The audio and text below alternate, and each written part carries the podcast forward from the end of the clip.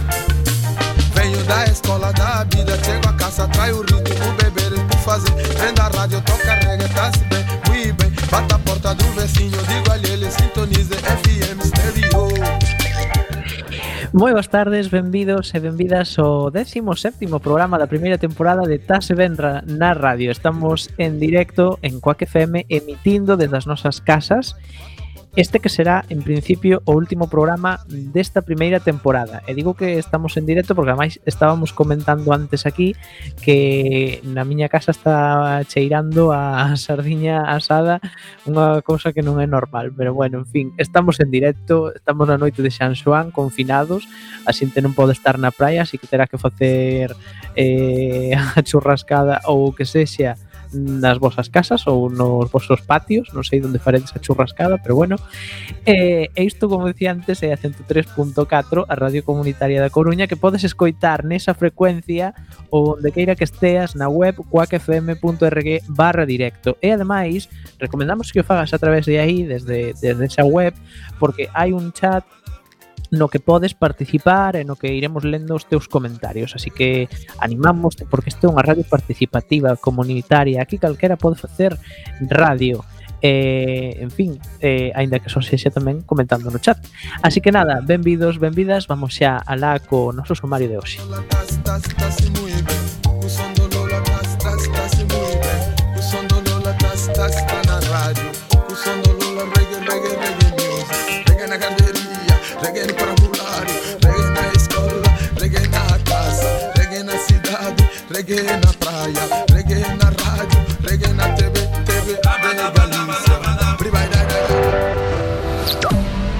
Estás a escoitar Tase Ben na radio.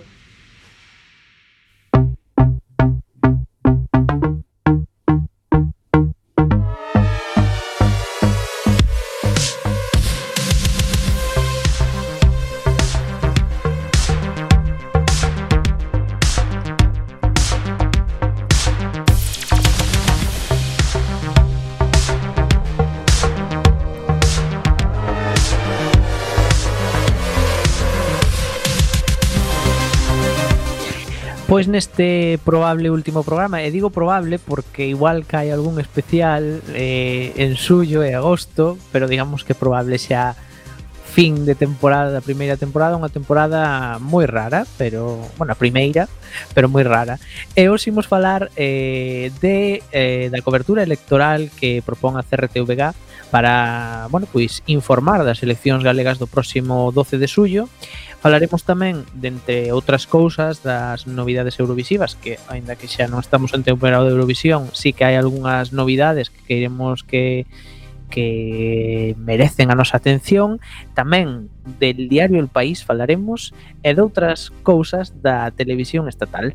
E para iso, eh, para falar destas cousas, hoxe temos a Carmen Elsa, eh, que volve outra vez, creo que é a súa terceira participación en Dase Ben na radio, eu encantado, porque Carmen Elsa fala moito e así como que me enche o programa sen eu ter que preparar moito das caletas.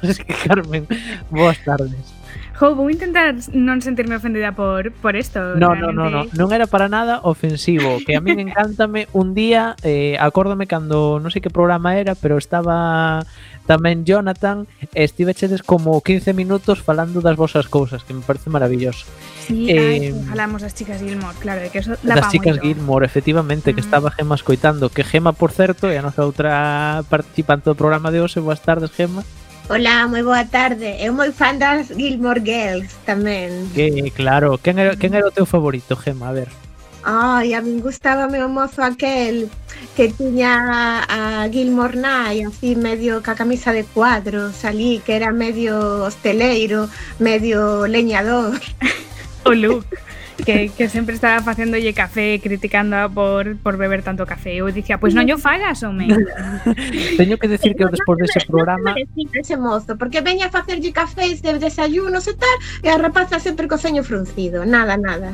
Eu teño que decir que despois dese programa eu busquei a serie e creo que está en Netflix e teño aí apuntada para para estas eh, esta, estas cousas que ver, sabes, cando non queres prestar moita atención á televisión, pero necesitas ter eh, ruido de fondo, pois para ese Sí. para eses momentos. Pa, Mira, Para esa é moi boa serie Confinamento. Ui, perdón. Ui, nada, muller Para, para o confinamento e para, para a compañía como unha serie moi de confort, en realidad De que a podes ter aí Pero non fai falta confinamento, digo, che, porque como vai ver, vai haber máis, así, como que Sí. vai haber máis. vai haber máis confinamento seguro, así que Ah, bueno, xa ves que están aí aparecendo novos rebrotes polo que din, cousa que agora eh, sí que se poden facer estados de alarma eh, e fases ves por territorios. Antes non se podía, agora mm. sí, é unha cuestión que a min me sorprende moito. Miguel Ángel fuches un precursor. non, mira, non vou decir nada que despois na radio e tomaron nota. Despois dignos capitáns sí. a posteriori. Non, non, non. Eu simplemente digo o que vexo e eh, xa está. Eh, así que nada, hoxe teremos tempo para debatir de todas estas cousas porque ademais imos falar de, como decía antes, da cobertura que temo que ten a Televisión de Galicia pensada para esta campaña electoral que se nos ven en riba, que vai ser tamén moi especial, así que poderemos comentar aí estas cousiñas. Eh, quero tamén dicir que nos podedes seguir nas nosas redes sociais, estamos en Twitter, eh, Facebook e Instagram E podes comentar o programa en directo, tanto, como decíamos antes, en cuacfm.org barra directo, ou tamén usando o hashtag TVNR eh, nas redes sociais. E, por suposto, tamén sigue a cuacfm nas redes, que estamos en Twitter, Facebook e tamén Instagram. E, por último, tamén recomendarche os nosos podcasts que os tes subidos a onde queira que escoites os teus podcasts. Eh... Se non nos escoitan é porque non queren. Se non nos escoitan é porque non queren. Tampouco se trata de obrigar a ninguén. En fin, que comezamos... Bueno, comezamos... aí non estou de acordo, eh? Eu, eh, Miguel Anxo, falta un pouco de tiranía neste programa. O de que podedes seguir nas redes sociais non é así. Seguide, por Dios, ata se ven na radio nas redes sociais, hombre ya. vale, moitas gracias Menos mal que o di ela, porque así non o digo eu E a Quack FM tamén, comezamos Benvidos e benvidas Benvidas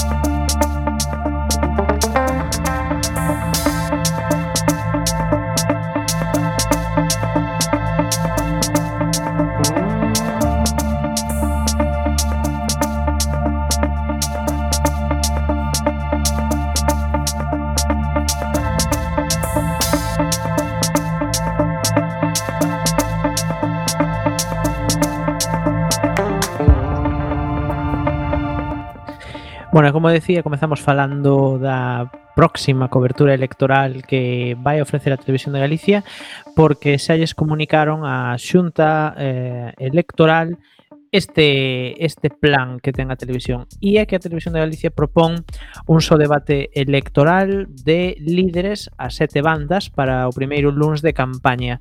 Nove debates electorais durante a campaña das eleccións galegas, pero só un entre os líderes das forzas políticas emitido pola Televisión de Galicia para todo o país. Eh, como decimos, é o que propón a televisión a corporación Radio Televisión de Galicia no plan cobertura remitido á xunta electoral para estes comicios do vindeiro 12 de suyo, segundo informa Praza Pública.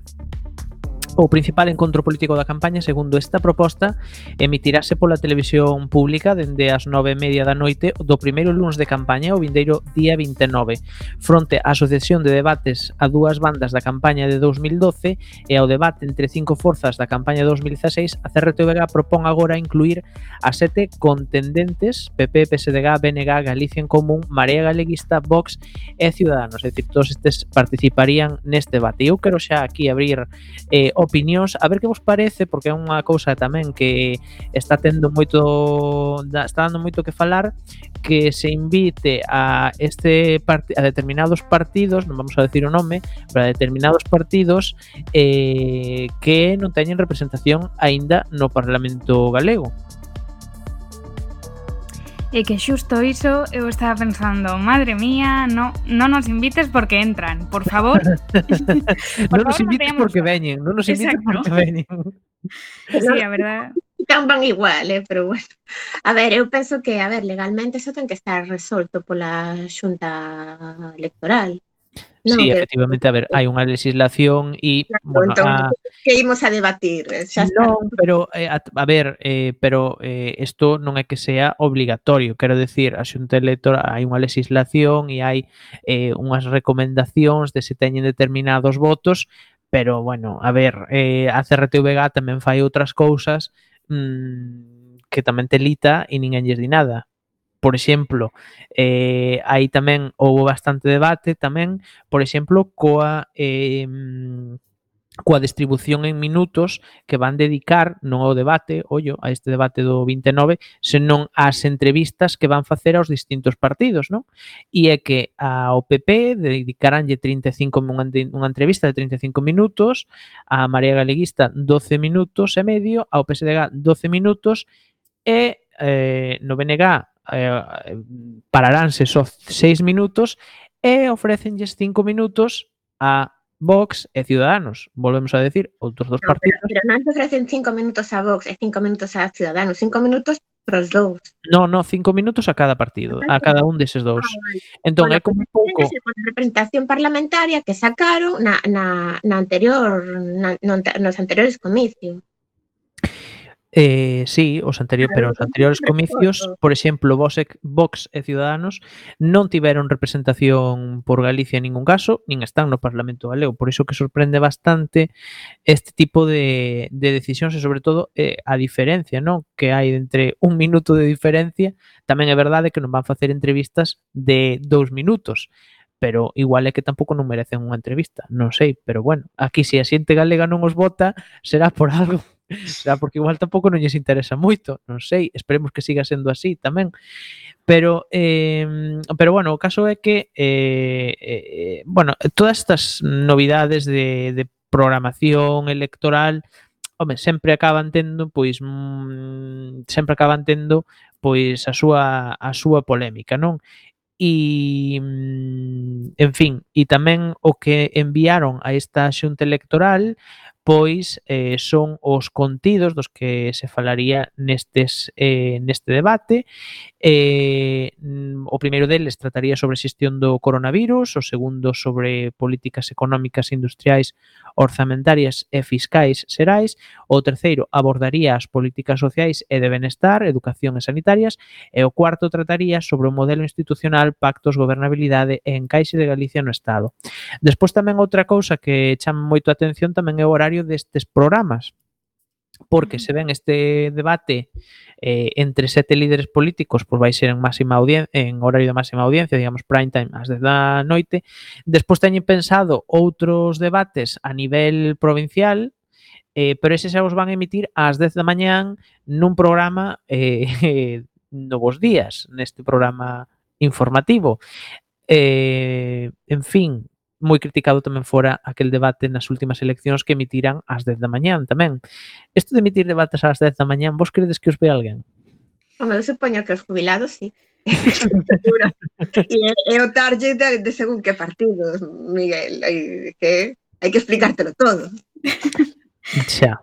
Sí, no, claramente y... para que eso vexa o, ou determinada audiencia. A ver, pode ser, pode ou ser. Ou a xente moi moi interesada que vaya despois a buscalo na, na web en diferido. Home, non Pero, creo, hai que claro. moi desesperado.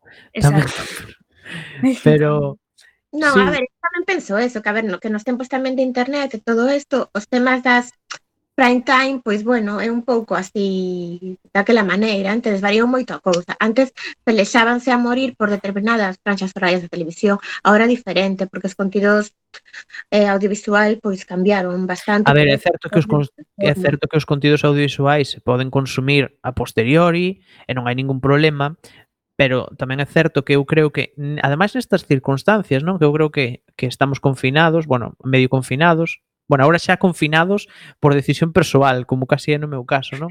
Pero quero decir que eh, eh, e Carmen Elsa tamén di que sí. Sí, Eh, quero decir que eh, agora que igual pois tampouco non se poden facer, digamos, eventos políticos ou meetings, pois home, igual estaría ben aumentar o número de debates en prime time, non? Porque ao final eh, unha función da, da televisión pública tamén pois, terá que ser eh, servir neste sentido, non? Eu creo que tamén a política eu creo que lle interesa a xente, senón non habría programas de mm, tertulia política todos os días aí en, en antena, non?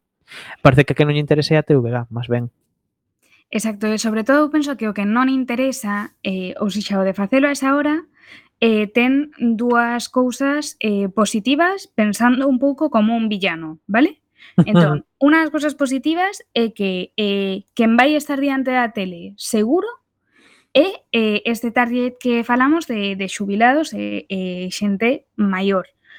Eh, que xa, sabemos que en xeral eh, as tendencias políticas aquí pois son as que son. Son as que son.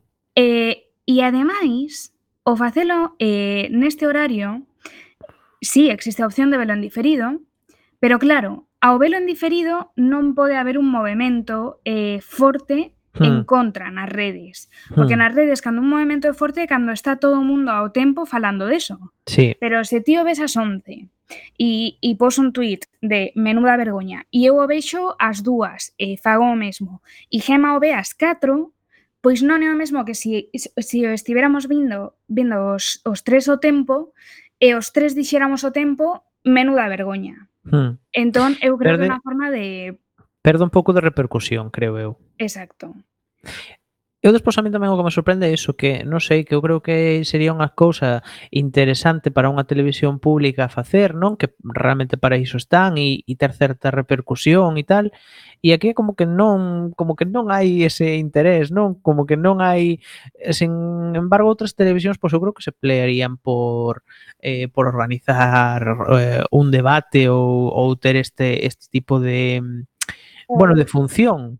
Eu penso que tamén que, uf, que estamos nun momento un pouco complicado, delicado. Estamos, e me incluyo moito xa moi bastante cansados, non? Xa a pandemia, o confinamento, as eleccións aí metidas con calzador e tal, mm. estamos incluso hasta sobreinformados. Bueno, eu falo por min, que durante Eu creo que meses... estamos sobreinformados, claro, pero claro, eso xa non é cuestión do coronavirus, eu creo que habitualmente claro, claro, estamos sobreinformados tamén. Claro, tres meses atrás ao televisor para ver para ver eso, eh, noticias de moita relevancia para a saúde e tal, pero estamos como un pouco sobreexpostos da televisión. Eu falo por min, pero penso que no, algo claro. tamén este extendido. Entonces, claro, penso que tamén esta fatiga tamén alcanza os, os bueno, os, os, os jornalistas e a todos os jefes de prensa, total, está a xente como un pouco buf. Penso unha sensación de de, abruma, de abrumados todos realmente, pues non vos mm. parece que é un momento, o sea, non hai fame de, de debate electoral televisivo. Totalmente de acordo, pero que tamén te digo, eu eu falando de, de min como persoa, non hai fame de eleccións en absoluto. O último que me apetece a min é ter que votar. Ou xa. este me tira dun pi. Sí, sí, non Hombre, que, é que eu creo que eh, o, o, o responsable sería agardar, non? Quero dicir, pero ah, parece que pois a Feijó que lle corría bastante bastante presa convocalas. Mm, eu creo que, a ver, e, e vai a ver ser tamén interesante ver como va, como se vai desenvolver esa xornada, porque... Canta, canta abstención lle, lle previde. Como canta? canto, canta abstención lle prevides a estos novos comienzos? Porque eu penso que vai subir moitísimo a abstención. Abstención. Sí, moitísimo, moitísimo. Eu creo que sí, eu penso que sí. Ainda que eu penso que a xente nova eh, a que ia votar, eu penso que vai ir votar de todas formas. Sí, pero sí que haberá, eh, sí que se perderá votantes por descontento, porque o descontento é unha cousa palpable, e por porque hai xente todavía que convive con persoas en, en situación de moito risco. Claro. Entón, igual ti tes eh, 19 anos e, e claro que queres ir a votar e, mm. e farías que o mundo anteiro votara, pero se vives coa túa boa de 90... Igual dis, pois igual non, igual non prefiro non quedar na casa e hmm. non votar. Exacto. Mm. Claro, neste sentido aquí se entra un pouco o debate de se garantizar pois mm, se van ser unhas eleccións xustas ou vai ser unhas eleccións desde logo normales non van ser, non? Porque na situación na que estamos eh eu creo que vai ser complicado. Eh, pero bueno, E si, si que vai ter un certo privilexio quen poida ir a votar, porque non vai poder todo o mundo. Mm, tal bueno, dirán, dirán que, que poderán... Dos povos, a ver que encarreta ahora os ancianos. Oh. Digo, sen ironía, eh, que decir, hai, hai unha serie de problemas que este país ten de, de sempre e que agora con este con esta situación pues están saindo a luz. Mm. Bueno, xa querían que se puidese votar que os carteiros recollesen o voto, non? Eso xa máis ou menos un pouco facilitar tamén daquela maneira. Sí, pero eh... esos recontos sempre saen como lles apetece sí. o, os dos votos de, por correo. Mm. Aí sempre se perde a mitad e non sei. É que estou parecendo eu unha Una conspiración. Finta, sí, una conspiranoica, pero, pero é que eu non me fío de ninguén ahora mesmo. a ver. Por iso falo de series, porque, porque senón... Eh, porque senón non te fías. A pasear. Juego de eh, tronos, hablando. no, pero sí que é verdade, eu creo que, a ver, vai ser curioso, a ver, vai ser curioso de ver que ao final son 4 anos que nos xogamos, non? Mm. Pero eh, pero sí, eh, non sei, é todo como moi como todo moi extraño. Eh, en fin, pero e quen diría xa que estamos tamén en eso, en casi campaña, non? Canto quedan dúas semanas ou menos de dúas semanas de para as eh, eleccións, a verdad que nin o mirei, estamos a Confeso sí. tamén que o tempo neste momento tamén é tamén moi relativo, polo menos para min o é. Sí, eh, totalmente. Perdei, perdei un pouco o sentido de os días, as semanas, os meses. Entón, agora ti me dis dúas semanas e eu perdín o concepto interno do que eran dúas semanas. Hmm. Pasaron, tanta, sí, pasaron tantas cousas que xa... Me acuda todo, pero un pouco sí. Entón, eso quero hmm. dicir. É que sí. teño que facer un esforzo moi grande por meterme en modo eleccións, modo preelectoral, modo mm, ah, vai haber debate, non vai haber debate, porque como estivemos tan anestesiados por, joder, por unha cousa super chunga, Sí. A nivel atencional, me refiro, pois agora que de verdade a min costame moitísimo eh, poñerme en modo electoral. E mira que me, molaba el tema de las elecciones, estas cousas, como me ponía aí, pero ahora buf, buf, buf, é raro, é raro. Unha raro.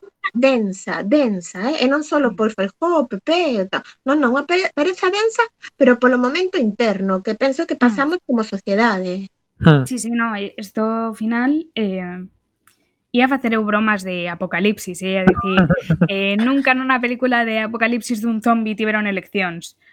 Pero, pero falando ahora en serio, realmente estou... claro, ahora, ahora en serio, esto, esto virus é un, un forte trauma colectivo e unha cousa sí. que queremos pagar. Bueno, é que eu creo que vai marcar un pouco unha xeración tamén, non? Sen ¿no? dúbida alguna, ou seja, eu penso eh, nos nenos os que lles dou clase, nenos de 4 anos, os que eu lles estiven dando clase por ordenador, eh, sin que les se houberan ler. Entón, era unha cousa absurda e imposible, e, e penso que non, non somos conscientes da magnitude desto e a mes que todavía non acabou. Claro, entón... claro, entón, pasa, pensando, está falando en pasado como se fora unha ola que nos pasou. E eu, sí. a, mí, a ver, ese exercicio de, de ver a xente na rúa celebrando non sei moi ben que, eh, falando en pasado e falando en pasado, a min es que me tiene martillada en toda a extensión da palabra O maravilla. que vai, o que vai pasar é que a realidade nos vai dar un, Sí, un bo sopapo. Vai pillar, vai ser como como como las olas de los fans, sabes? Que no las. Sí. Sí, e bueno, en algúns sitios xa se están vendo rebrotes, pero bueno, eu non quero adiantar acontecementos, eu creo que a xente tamén debería ser un pouco máis cauta. Eh, eu igual son un pouco exagerado por seguir mantendo case o confinamento case a niveis de antes, pero eu creo que a xente debería ser un pouco cauta. En fin, que mm, falando tamén de outras televisións que tamén quixeron facer esta cobertura, como é a televisión eh, ATV, Televisión Española, eles din que, bueno, tamén querían facer un debate electoral, a 3, neste caso, ves, aí estes, eh, aínda por moito que eu diga a legislación, estes eh, propoñen un debate a 3. Eh, din que mm, os can, porén os eh, principais candidatos eh, rexeitaron e ademais eh, comentaron que tamén o coronavirus pois tamén eh, bueno, pois impediría a realización digamos normal deste tipo de, de formatos non? Eh, en fin, de todas formas Televisión Española tamén eh, non, non quere decir que non vai a informar desto, non? Ademais, mm. eh, creo que teñen pensado tamén informar nos seus espazos como, por exemplo, eh, los desayunos e teñen pensado facer diferentes tipos de entrevistas, pero eh, non teñen proposto facer un, un debate electoral como tal. E eh, deixamos xa tamén, eh, falando da xunta electoral e eh, dos medios públicos eh, galegos, neste caso mencionando unha nova de onte que podemos coñecer e que eh, publica nos diario.gal e é que a xunta electoral eh, require a TVG, que isto tamén ten delito, manter a neutralidade informativa. A xunta electoral eh, de Galiza dá a razón a un recurso presentado polo Bloque no que este insta a TVG a cesar inmediatamente o trato discriminatorio contra o BNG e a súa candidata Ana Pontón. A resolución da Xunta Electoral desta segunda feira, o 22 de xuño, resolve a favor do bloque e lembra ao medio público o deber legal de cumprir os principios recollidos na lei electoral e acorda requerir a CRTVG a que se respete a neutralidade informativa tamén no período electoral previo ao inicio da campaña. E por que viña isto? Bueno, isto veo porque o BNG presentara un recurso logo de que os días 16, 17 e 19 de xuño no telexornal do mediodía Se dese conta de actos de cada formación política mesmo das que non teñen representación, seguidas de declaracións de candidatos, salvo no caso do BNG, onde as noticias foron narradas por unha voz xornalística en off. Por tanto, esta xunta electoral eh, entendeu que se vulneraran pois os dereitos informativos. Aí queda isto tamén, este este chamado de atención a TVG que, en fin, mmm, tampouco me quero meter moito máis que a TVG, pero é que xa son moitas cousas. Claro, eu esta noticia non a escoitei en ningures. este.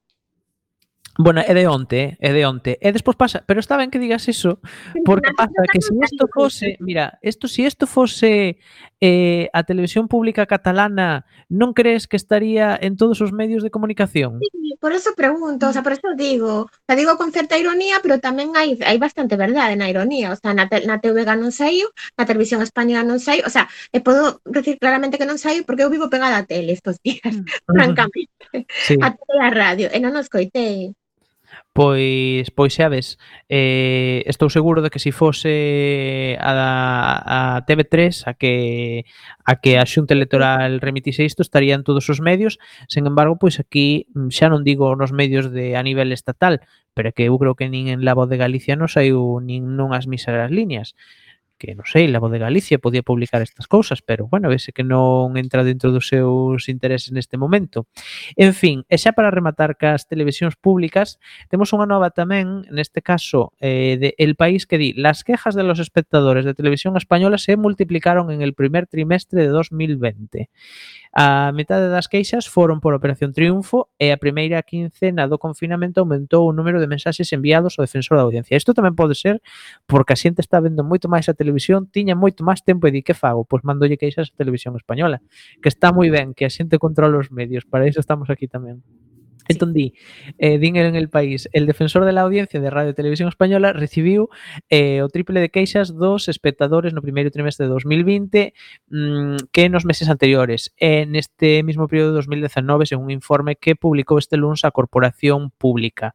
A maioría delas foron relacionadas con Operación Triunfo, dos 3.631 mensaxes recibidos, 1.921 estiveron relacionados co concurso musical que cerrou o pasado mércores coa victoria de Nia despois dun parón de semanas por a crise por a, debido á crise sanitaria, non? O maior número de queixas Perdona, eh, penso que en concreto nunha actuación en concreto dunha invitada Aí, aí estou, aí estou iba, que a mí parece é, é, máis, é o máis interesante de todo e isto iba tamén para recordar un pouco que xa o comentamos aquí no programa, pero xa que estás vos tamén podes dar a vosa opinión. E di que o maior número de queixas chegou pola actuación de Estrella Morente, en total 1565 mensaxes E é que esta artista recitou sin avisar a ninguén no programa de que, de que iba a facelo e ante a asombrada miradenía uns versos de José Bergamín que eran, bueno, ni el torero mata al toro, ni el toro mata al torero. Isto que se converteu nun meme, non? Despois de que uns días antes unha concursante, Mayalén, insultara eh, no, na canle do T en YouTube aos taurinos, que Isto produciu 286 queixas. Hai que ser moi psicópata, es moi nazi, mucho, e encima te vienen e te dicen que los toros dan mucho dinero, dixera Maya Len. Eh, bueno, de Estrella Morente fora alucinante. ¿A vos que vos parece? Como recitadora de poesía.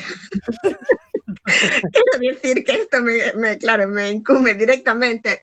Quero dicir que, home, eu normalmente sempre, para min é sempre unha alegría que a xente recite poesía en directo en calquera medio, e sobre todo na televisión que non hai moita poesía, pero a ver, é que os versos eran moi malos.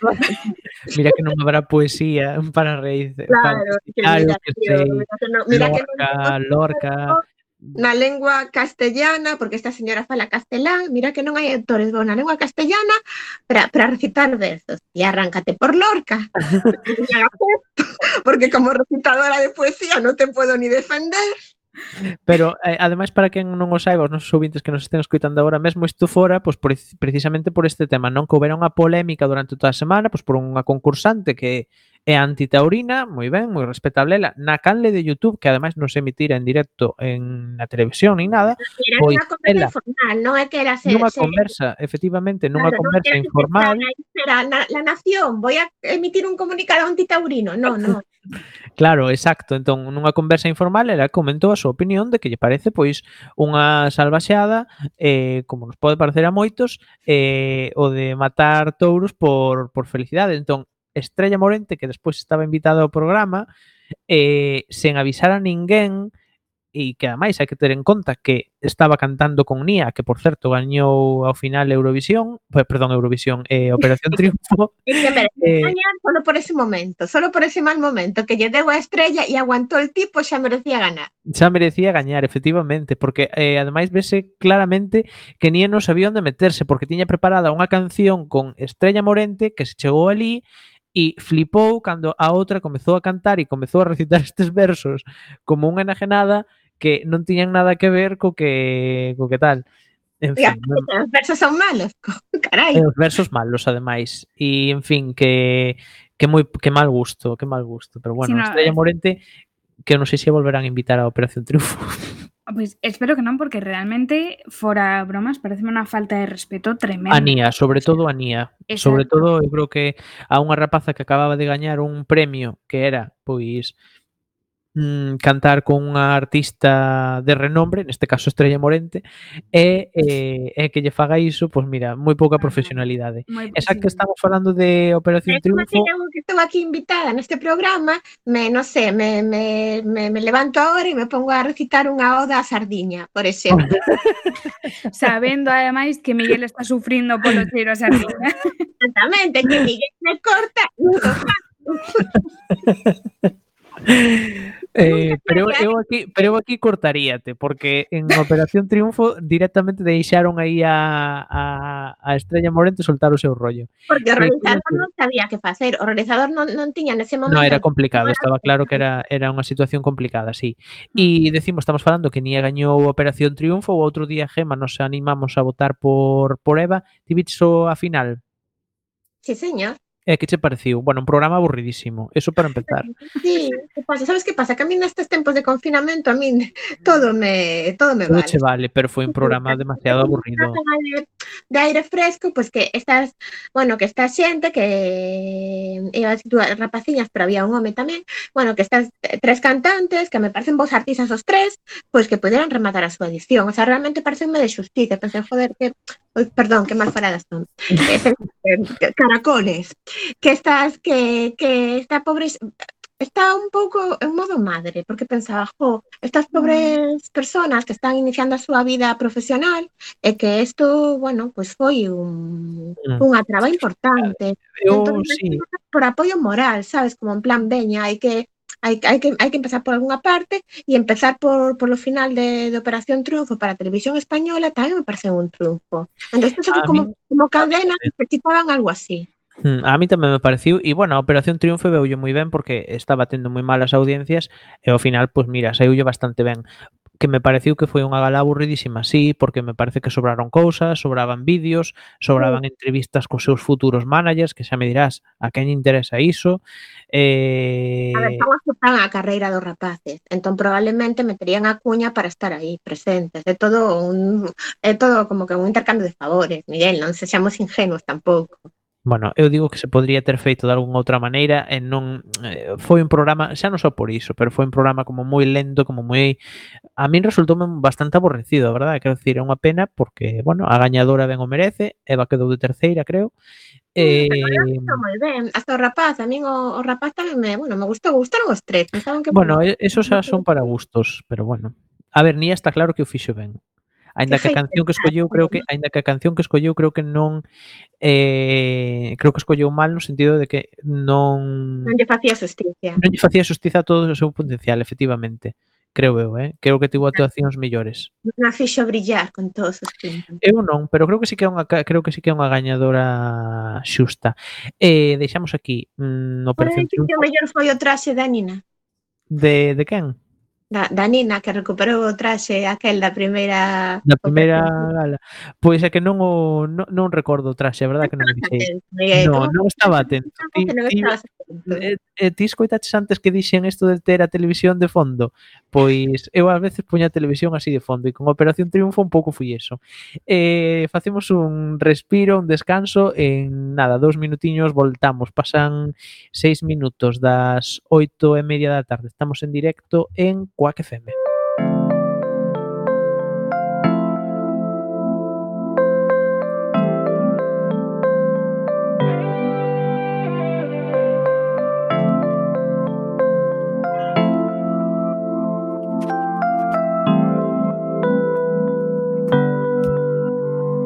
Eu só penso en cando vou sair.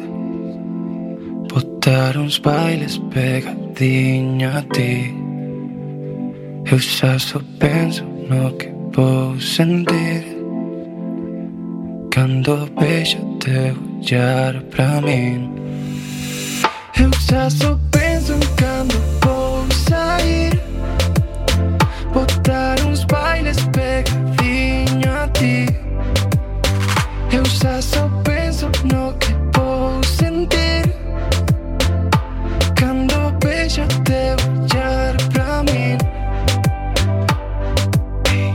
Lembrome xa do momento.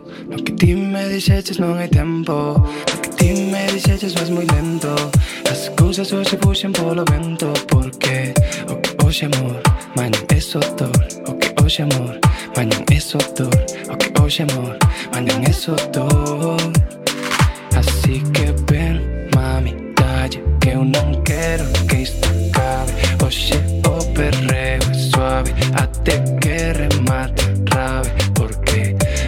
hoxe amor Mañan é só dor O que hoxe amor Mañan é só dor O que hoxe amor Mañan é só dor Eu xa só penso en vou sair Botar uns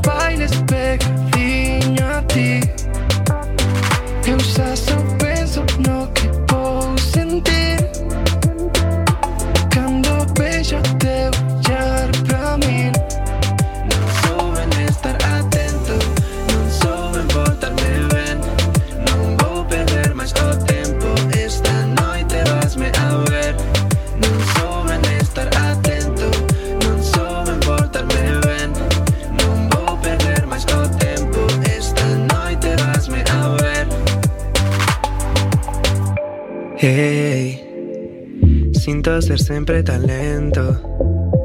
Hey, sinto que non te merezco. Estás a escoitar Tase Ben na radio.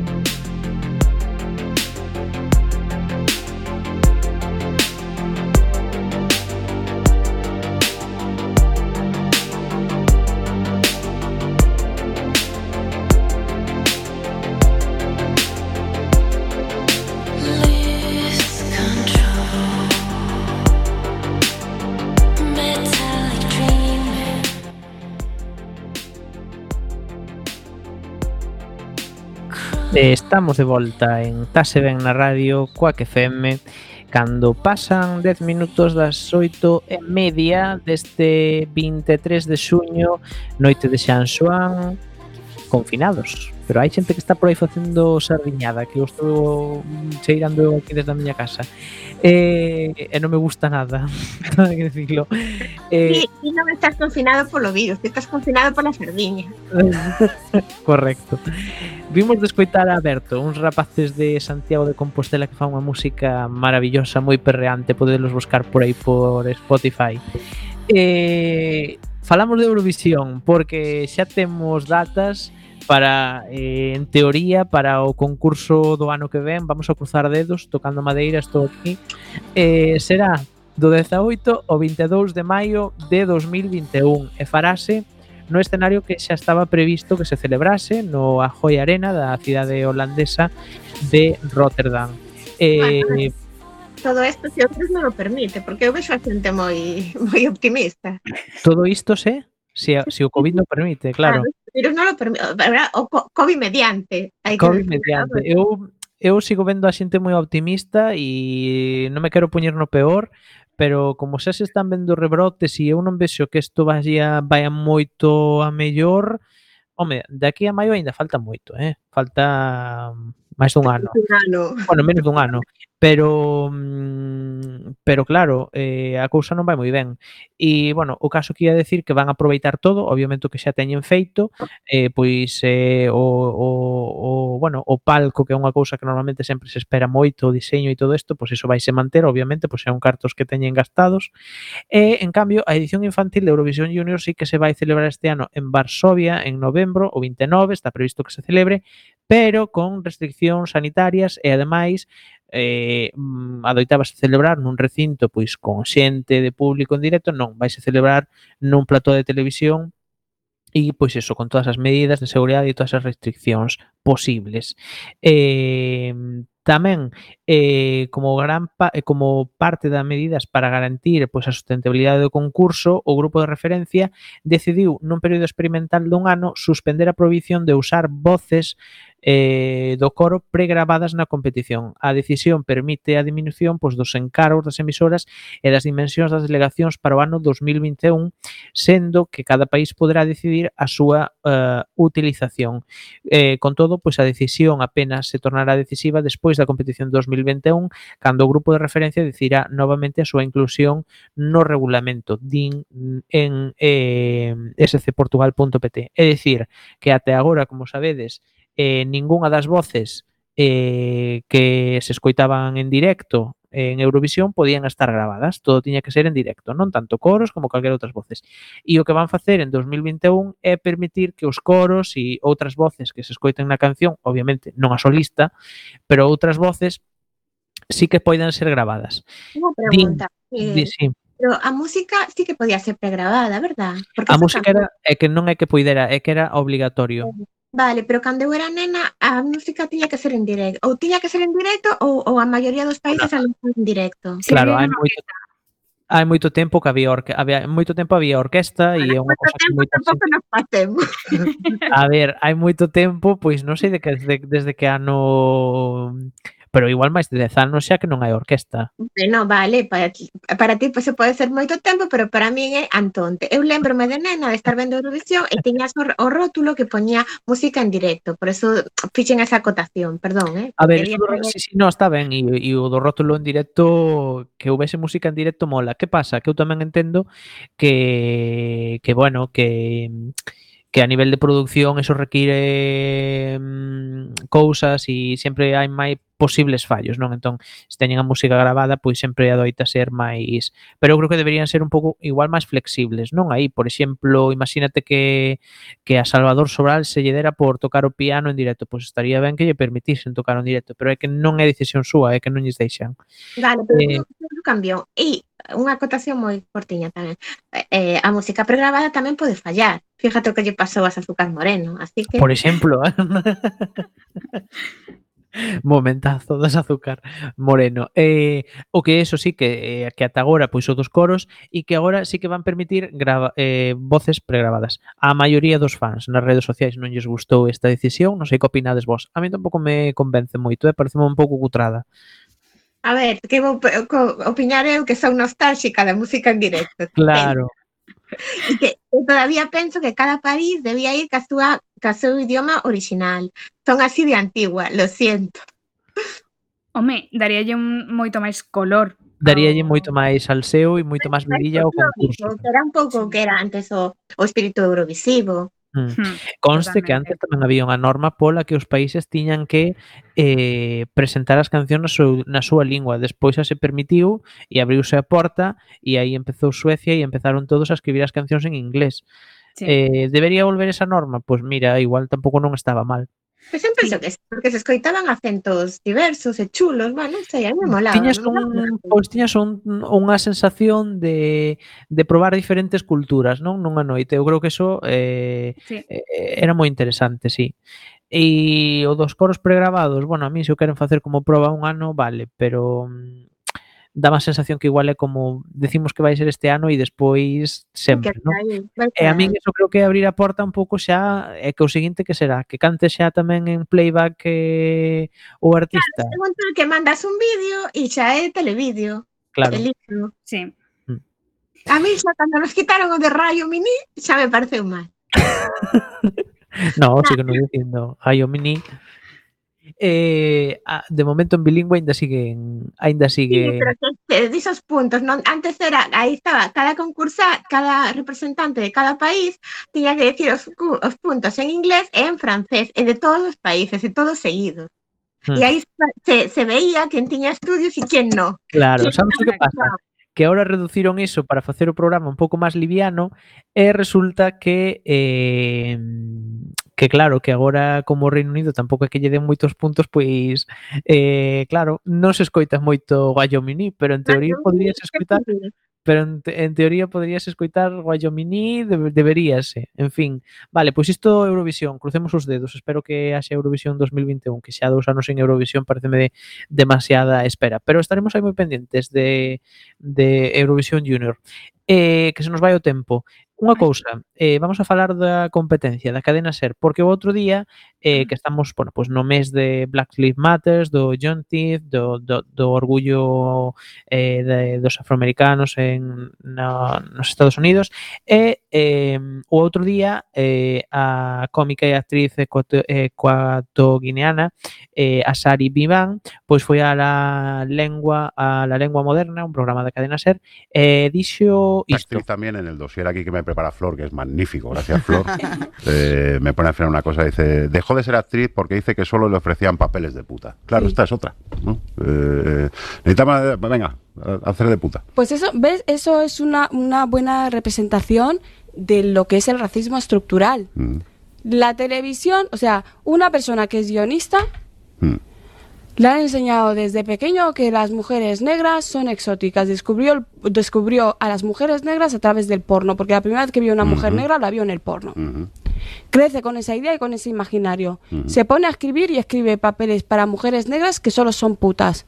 Ese, esa imagen de la mujer puta aparece en el tele, eh, aparece en las series y en las películas. Esas películas y esas series Ajá. las ven niños. Esos niños crecen con la idea de que las mujeres negras son prostitutas y son putas. Y esos hombres que han crecido con esa idea ven a una mujer negra por la calle y se piensan que le pueden tocar el culo es puta. porque es puta. Es que es un círculo vicioso. ujú. Eso es el racismo estructural. Claro. Insertar una idea en la sociedad y que a través de distintos estamentos y de distintas clases y de distintos momentos, Ujú. esa idea se vaya reproduciendo hasta llegar arriba. Ujú. ¿Quién tiene la culpa? Todos. Pois aí estaba isto. Eh, Gema se ten pedida a palabra. Gema. Sí, eu pensei decir que, bueno, con todos os respectos a, a, a opinión desta desta señora que eu non a, bueno, non a coñezo, pero bueno, pareceme que fala moi ben e bueno, agora seguirei con atención o que as súas declaracións. Quero decir que tamén pode ser algo un pouco xeracional, porque a min diz eh, muller negra e o primeiro o primeiro que me veu o meu imaginario foi Guppy Golder. Hmm. Entón, quería, quería deixar un pouco eso aí, non sei, o sea, desconozco o impacto que ten o porno nos millennials, entón... Non, eu, non, pero eu sí que entendo perfectamente o que di e de que eh, de que as series igual pois perpetúan determinadas determinadas determinadas imaxes, saben se xa por cuestión de, de cor de pel, de, de, de sexo, de, de mil historias, E eu creo que as, as series e a televisión claro, e os medios de comunicación teñen un impacto... Os periódicos, os, os programas de radio, todo. Claro, teñen un impacto pois moi importante. Aquí a nosa experta en series, non sei que opina eh, Carmen Elsa. Pois, a verdad que estou completamente de acordo, eh, porque de feito eu creo que, que o impacto das series é moi poderoso, eh, tendo en conta que, que hai unha xeración que se criou diante da tele, cando se, non parecía que fora mala idea que un neno pasara todo o día vendo a tele. Entón, este tipo de cousas, cando ti eres un neno, eh, que mm, pois non les o periódico, e igual escoitas a radio, pero de fondo no coche, e sí que é o máis cercano a ti, a televisión e as series. Entón, eh, por iso reivindico moi forte un, un tipo de comedia concreto que, que a min que é sobre o que estou facendo a tese, que é a comedia na que a figura da creadora uh -huh. é a protagonista da serie. E, de feito, eh, estaba pensando, cando, cando escoitei este audio, que unha das series eh, da miña tese é Insecure, que é unha serie protagonizada por, por unha muller afroamericana que fixo esa serie dicindo non vexo a ninguén como a min na televisión. Mm. Eh, nin como a min, nin como aos meus amigos. Que non, non se sinte representada. Eu penso que iso falta ya moita xente que non se sinte representados nas series, polo menos nas series mainstream que vemos eh, en moitas televisións e en moitos medios, non? Déxame dicir antes de que se me olvide que Carmen Elsa ten un programa en Coac FM que se chama eh, Dentro de Serie que se emite eh, os sábados a Eres moi madrugadora, creo que as 9 ou as 10, as 10, eh, non? As 10, madre mía. As 10, moi madrugadora Carmen Elsa. Pois se queredes saber máis de series, recoméndovos ese programa.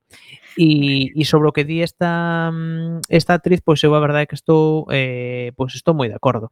Eu creo que fan falta eh, máis variedade nos guións, eh, nas historias, nas tramas, ten que haber moita máis representación. De feito, por exemplo, o, hoxe tamén se publica que a BBC di que invertirá máis de 100 millóns de libras para producir contido diverso e inclusivo nos próximos tres anos. Así que, non sei, eh, eu pareceme un bo camiño e, sobre todo, tamén darlle oportunidade a escritores, a guionistas, a guionistas, eh, homes, mulleres, para que, bueno, pues creen contidos eh, diversos, non? Sí, Carmen, Elsa. Sí, estaremos atentos aí ao que teñan que ofrecernos a BBC, pero estou completamente de acordo con que con que é moi importante eh, xa non eh, dar voz a diferentes actores, sino tamén a diferentes guionistas, diferentes directores, uh -huh. porque o problema eh, é que, como ben dicía a rapaza, é un racismo estructural, é un racismo que ven desde desde moi arriba. Entón, uh -huh. chega un punto no que nin siquiera é consciente, nin siquiera ninguén se plantea por que eh, cando necesitamos unha prostituta buscamos unha muller negra? Hmm. Ou porque cando vemos unha muller negra dicimos, perfecto, xa pode facer ela de prostituta. Entón, é importante tanto plantexar esas cuestións como solucionar o problema eh, que non sexa un lavado de cara rápido de, no, mira, metimos a outra mujer, sino que sexa un compromiso real de dar voz a todo o mundo. Hmm. Totalmente de acordo. Eu vexo que está un tema eh, apasionante e un tema que dá para debate, así que vou apuntar aí para hmm. representatividade nos medios, que me parece unha cousa eh, super importante. Eh, Gema, algunha cuestión máis sobre isto? Eh, pasamos. No, no, no, estou, vamos, eh, de acordo e tal, unha, únicamente eso, facer a fincapé sobre, bueno, o, a, o devastador influencia do, dos medios. Do pois, mundo sí. free na, na, nos millennials. Que e isto tamén é interesante, eh, sí, eso tamén é importante eh, insisto, fai, fai, esa, fai esas... E nos eh, produtos eh, audiovisuais tamén. Fai esa enquisa con persoas da miña xeración e xa te digo, temos como referente de muller negra a Whoopi Golden. O sea, mm. Eh, eh, instantáneamente me vixo e non fixo carreira precisamente por papeles de, de puta. En cambio, claro, eu por eso escoito a esta muller con todo o respeto e, e me fai moito que pensar. Digo, probablemente sexa certo, sí, probablemente sexa así. Mm. Hai que que o, o do porno é un debate todavía máis, mm, sí, máis inmenso. Máis peliagudo. A ver, eu, eu crecín, eu cando era nena todavía había os dous rombos na tele, para que vos, para que vos pagades un pouco o que é o mm. salto xeracional. entonces cando mm. un hombre e unha muller se ubicaban con lingua, había dos rombos na tele e os rapaces non o podíamos mirar. Mm. Pero igualmente Whoopi Goldberg, que é unha actriz maravillosa, sempre fixo o papel de estridente porque era o que se concebía, que unha muller negra era unha muller estridente, que sí, facía gracia, pero realmente non te estaba rindo con ela. Sí, non sei por onde vas, non fai dunha sí. científica, nin tal. Sí, sí. Xa se está diversificando, xa pode porque ademais eso era prácticamente un si te gusta eh, sexualmente é un fetiche teu, porque non é atractiva. Eh, e mm, hai como moitas cousas mal con, con esa figura, pero obviamente os referentes de agora son todavía peores, ou seja, uh é mm. todavía peor que, que penses prostituta a que penses eh, Whoopi Goldberg, que mm. eh, dentro do que tal fixo escola, eh, sobre todo con... Pois, con Carmen, Elsa e Gema, sinto cortarvos, temos que deixar aquí o debate porque se nos vai o tempo, pero prometo que igual facemos un programa especial. Igual hasta este non é o último programa de temporada, vai te saber. O que sí, que ímonos... ímonos, ímonos cas dúas últimas noticias e é que el diario El País cambia de dirección de Soledad Gallego Díaz e pasará a ser Javier Moreno. E tamén con que eh, resulta que a televisión do estado de alarma, é dicir, a, durante o confinamento vimos 278 minutos de media ao día. Eh, a televisión pois, foi a forma preferida de informarse. Pola nosa parte, nada máis. Chegamos ao final de Tase Ben na Radio. Moitas gracias, Carmen Elsa. Moitas gracias, Gema. Este é o último programa oficial da primeira temporada de, de Tase Ben na Radio, que igual volvemos. Estade atentos ás nosas redes. Chao as dúas. Chao. Chao. Feliz verano. Hasta. Estás a escoitar Tase Ben na radio, o programa onde falamos de medios e as súas cousas.